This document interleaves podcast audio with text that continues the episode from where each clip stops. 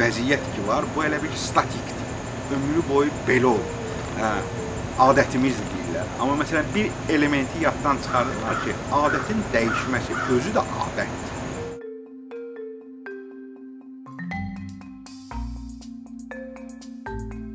Bir fərd dəyişikliyə nail ola bilərmi? Tarixi şərait yetişəndə elə bir fərd yəni, dəyişikliyə nail olur. Tarixi şərait yetişir, zərurət yaranır və o zərurətin yerinə yetirilməsində bir fərd həmin o prosesi həyata keçirən aktyora, liderə, nəm, rəhbərə, nə edirsin deyin, ona çevrilir. Misal, tarixdən nə qədər istəyirsiniz göstərə. Tutaq ki, Avropadır. Avropada ə, katolik kilsəsinin ciddi problemləri var və katolik kilsəsi artıq cəmaatda ciddi şəkildə şübhə doğurmağa başlayır.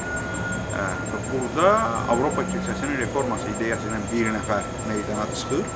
Martin Luther adında bütün dünyanı kökündən belə demək olarsa dəyişdirir yeni bir cərəyan yaradır. Bugün o yeni cərəyan Avropanın yarısına yayılır. Bugün Amerikanın əhalisinin böyük əksəriyyəti tutaq ki, o ilk köçmənlərdən tutmuş və son dövrlərə kimi böyük əksəriyyətini məhz o cərəyanın təmsilçiləri, o reformist cərəyanın təmsil, təmsilçiləri təşkil edib. Bu bir nəfər və yaxud da ki, bütün dünyada o azadlıq ideyaları yayılır, azadlıq ə, ə, düşüncələri formalaşır və Latin ə, Şimali Amerika şeydən tutarır, ə, asıllığından, Britaniyadan asıllığından tutarır. Aydın məsələdir ki, bu, ide bu ideyalar da Cənubi Afrikaya, Cənubi Amerikaya gəlməlidir. Ə, sadəcə olaraq bunu həyata keçirə biləcək liderə ehtiyacı var və birdən-birə Libertador Simon Bolivar meydana çıxır və bu Simon Bolivar bu ideyanın belə deyək, həyata keçirilməsinə nail olur. Və yaxud da ki, Birinci Dünya müharibəsi Türkiyə ə, Osmanlı müharibədə məğlub olub, Osmanlı ə, Türkiyənin ərazilərinin bir xeyli hissəsi keçib, Yunanların, Fransızların, İtalyanların və s. İngilislərin və s. ixtiyarına ə, aydın məsələdir ki, bu boyda ənənəsi olan dövlət bu şəraitdə çıxıb belə deyək, sıradan çıxa bilməz və buna bir nəfər lazımdır ki, bu ideyanı bu belə deyək, bu dağınıq vəziyyətdən çıxartsın və bu burada bir nəfər tarixçilər formalaşır, bir nəfər Atatürk adında çıxır və o vəziyyətdən çıxardır. İkinci Dünya müharibəsindən sonra məğlub olmuş ə, Almaniyada dağılmış ölkə və s. amma bilirlər ki, Almaniya ənənəsi olan, tutaq ki, o böyük potensialı olan bir xalqdır, bir cəmiyyətdir. Aydın məsələdir ki, bu belə elə baxmayaraq ki, böyük zülmdən keçiblər Hitlerin idarəçiliyi altında. Amma hər halda potensial böyükdür və bu belə şəkildə qala bilməz və həmin o şəraitdə o potensialı meydana çıxan bir Adenauer adında bir nəfər çıxır və o potensialı ə, belə toparlayır və Almaniyanın dirçəlmə prosesi başlayır. Bizim tariximizdə də eyni şey. Yəni biz tarixi şərait yerə yetişib, biz Rusiya tərəfindən bu ərazilər ələ keçirilib amma bu, bu ərazilərin də potensialı sıfır deyil və burada yeni ideyalar mütləq meydana çıxmalıdır və bu yayılmalıdır və buradan birdən bir Axundov adında bir nəfər çıxır və bu Axundov adında bir nəfər tək başına böyük bir belə deyək, cərəyana çevriləcək böyük bir hərəkatın əsasını qoyur və faktiki olaraq bu gün baxmayaraq ki, hətta Axundov özü Azərbaycan cəmiyyəti yaratmaq fikri yox idi. Yəni, Azərbaycan dövləti yaratmaq fikri yox idi. Yəni o, o ideya ondan çox-çox uzaqda idi. Hələ ondan belə deyək də onun ibtidai forması idi. Amma onun yaratdığı o ədəbiyyat, milli dildə olan o ədəbiyyat, ə, sonradan da ki, Zəhid Zərdabidə də o fikir yox idi yeri gələndə, dərinə gedəndə. Zərdabinin yaratdığı milli dildəki mətbuat o böyük bir transformasiyaya gətirib çıxarır və sonra da ki, ə, ə, sonra da ki o dəyişiklik ə, baş baş verir. Ə, bu ə, bu bir nəfərin elə deyək o dəyişikliyi dəyişiklik gətirə bilməsi, hətta belə deyək, bəzən elə olur ki, ə, bəzən elə olur ki, böyük ətrafda belə bir düşüncə formalaşır ki, artıq ümidlər də ölür və sıradan çıxıb, sonra bir nəfər peyda olur və o dəyişikliyi gətirir. Səthi baxanda, səthi baxanda deyirlər ki, o bir nəfər elədi əslində o dəyişikliyi. Amma o e, reallıqda baxanda görürsən ki, əslində nə baş verir? O ümidlərin itməsi var idi ya. O həmin o şəraitin formalaşmasıdır. Yəni ümid itib potensial yerindədir və o potensial yerində olduğu üçün onu kimsə hərəkətə hərəkətə gətirməlidir və bu nöqteyi nəzərdən e, mən hesab edirəm ki, o bir nəfər heç nə eləyə bilməz, o boş şeydir. Həmişə bir nəfər eləyir. Yəni bir nəfər həmişə o dəyişikliyin simvolu kimi və yaxud da ki, belə deyək də, onun aparıcı belə deyək də, o e, o, o formalaşmış tarixi şəraiti ə, təcəssümünə çevrilir. Ona görə də ə, ümidsiz yerdə aydın məsələdir ki, heç kim bir şey eləyə bilməz. Amma tarix ədəbiyyatında da həmin o bir nəfərin gözünü, ə, bədii ədəbiyyatda o bir nəfərin gücünü göstərmək üçün daim çoxlu məsəl üçün ə, kitablar yazılır da. Məsələn, ə, məşhur o ədəbiyyata çevrilmiş kitablar var. Cervantesin Don Quixote var. Bir nəfərin bir nəfər nədir? Don Quixote belə baxırsan heç nəyə nail olmur. Amma o bütün ədəbiyyatın transformasiyasıdır birdən-birə. Belə deyək, o ə, İspaniyada və s. pandemli dünyada bütün ədəbiyyatın transformasiyası, yeni ideyanın ə, meydana çıxmasıdır.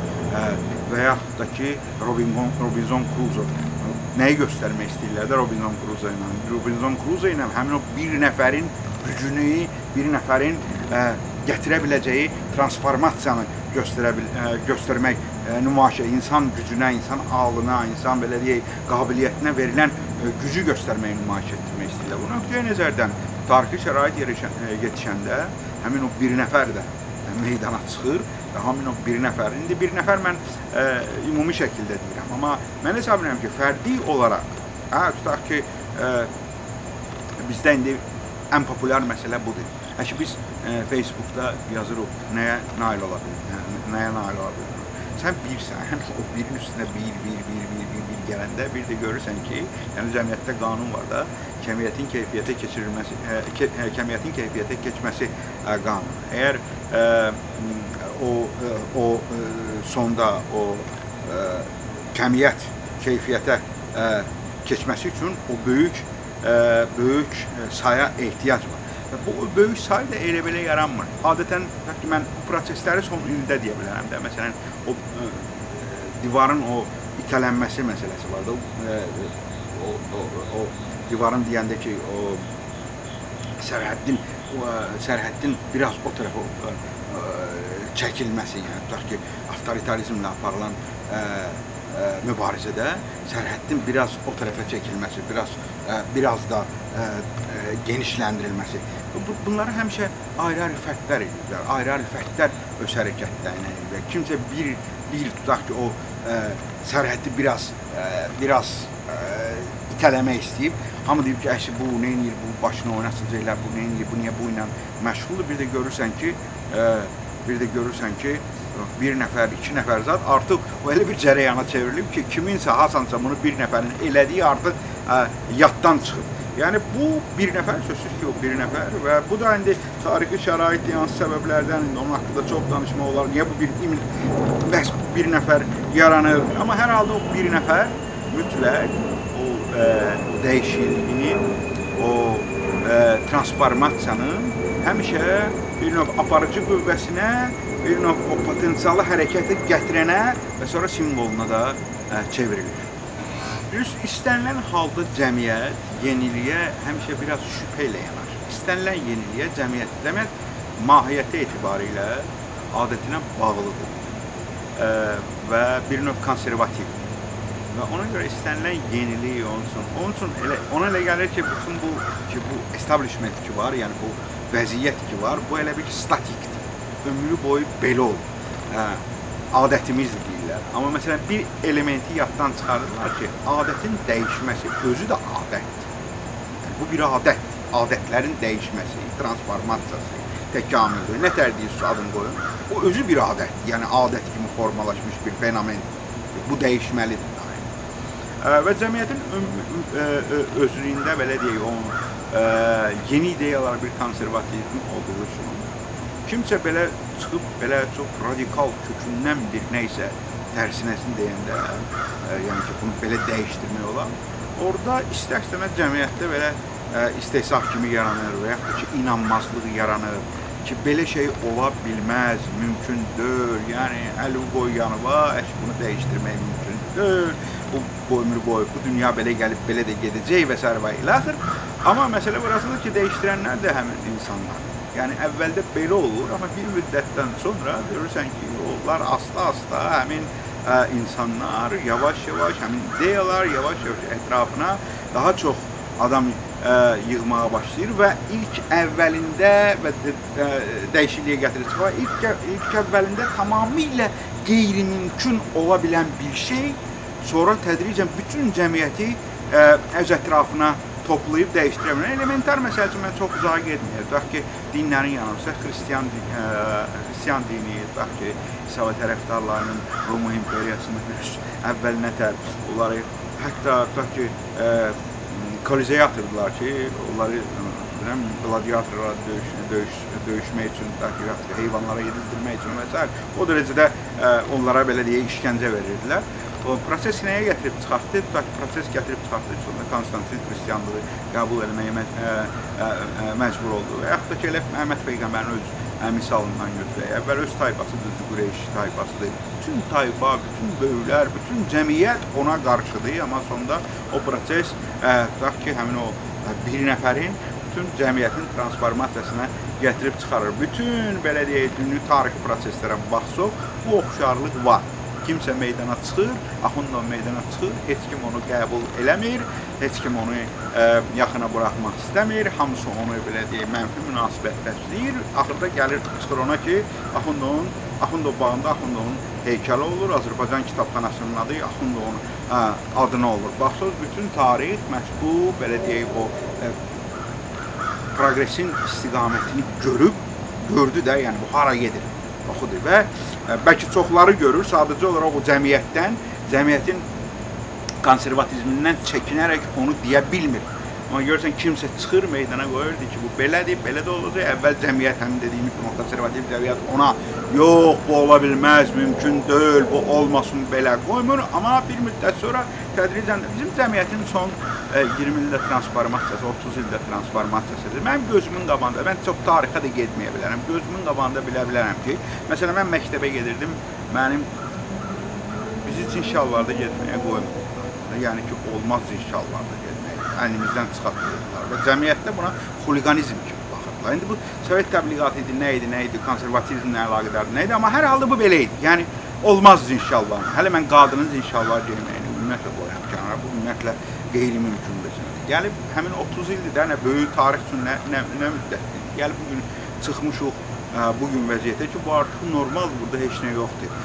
10 il bundan qabaq şortiklə çıxmaq qısa qısa şalvarla çıxmaq ə, nə demək idi və indi ə, indi ona münasibət necədir? Yəni və kimsə bunu bir nəfər də bir nəfər çıxır və o ə, belə deyək, o konservativ cəmiyyətin ona qarşı etirazına və s. bəlkə çoxlar. Mən məsəl üçün adam tanıyıram ki, şortik geymək istəyir, Bakıda geyinmir gedib Tiflisdə geyinirdi, Tiflisdə gəzmək istəyir, gəzə bilir, rahatdır mənim üçün Tiflis. Amma Bakıda qorxur gəzmək, amma ürək istəyir.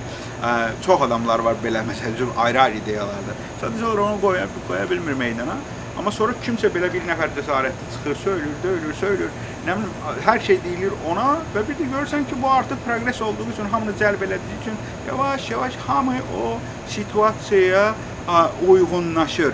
Siyasi ideyalarda həmçinin, yəni onlar elə formalaşıb, elə yaranıb, yəni onları proqresə qarşı ə, onsuz da çıxmaq mümkün deyil. Yəni təkamül proses gedir. Onun da kimsə aparıcısı ayrı-ayrı belə də cəsarətli insanlar, ayrı-ayrı ə, onu görən ağıllı, cəsarətli insanlar olur ki, ə, axırda o konservativ cəmiyyətin ə, o buxovlarını qıraraq çıxır qabağa deyir belə olmalıdır. Əvvəl döyülür, söylür, nə, nə, axırda da qəhrəmana çevirir. Əkinçinin yeni videoları haqqında məlumatlı olmaq üçün kanalımıza abunə olmağı və xəbərdarlıq funksiyasını aktivləşdirməyi unutmayın. Bununla bərabər gördüyümüz işlərin davamlı olmasını istəyirsinizsə, bizim patronların sırasına qoşulmağınızı rica edirik. Əkinçinin Patreon icmasının üzvü olaraq siz bizim təşəbbüsə dəstək göstərməklə bərabər hazırladığımız materialları hər kəsdən öncə izləmə imkanı əldə edəcəksiniz. İmkandan istifadə edərək cari patronlarımıza işlərimizi davam etməyə yardım olduqları üçün dərin təşəkkürümüzü bildiririk.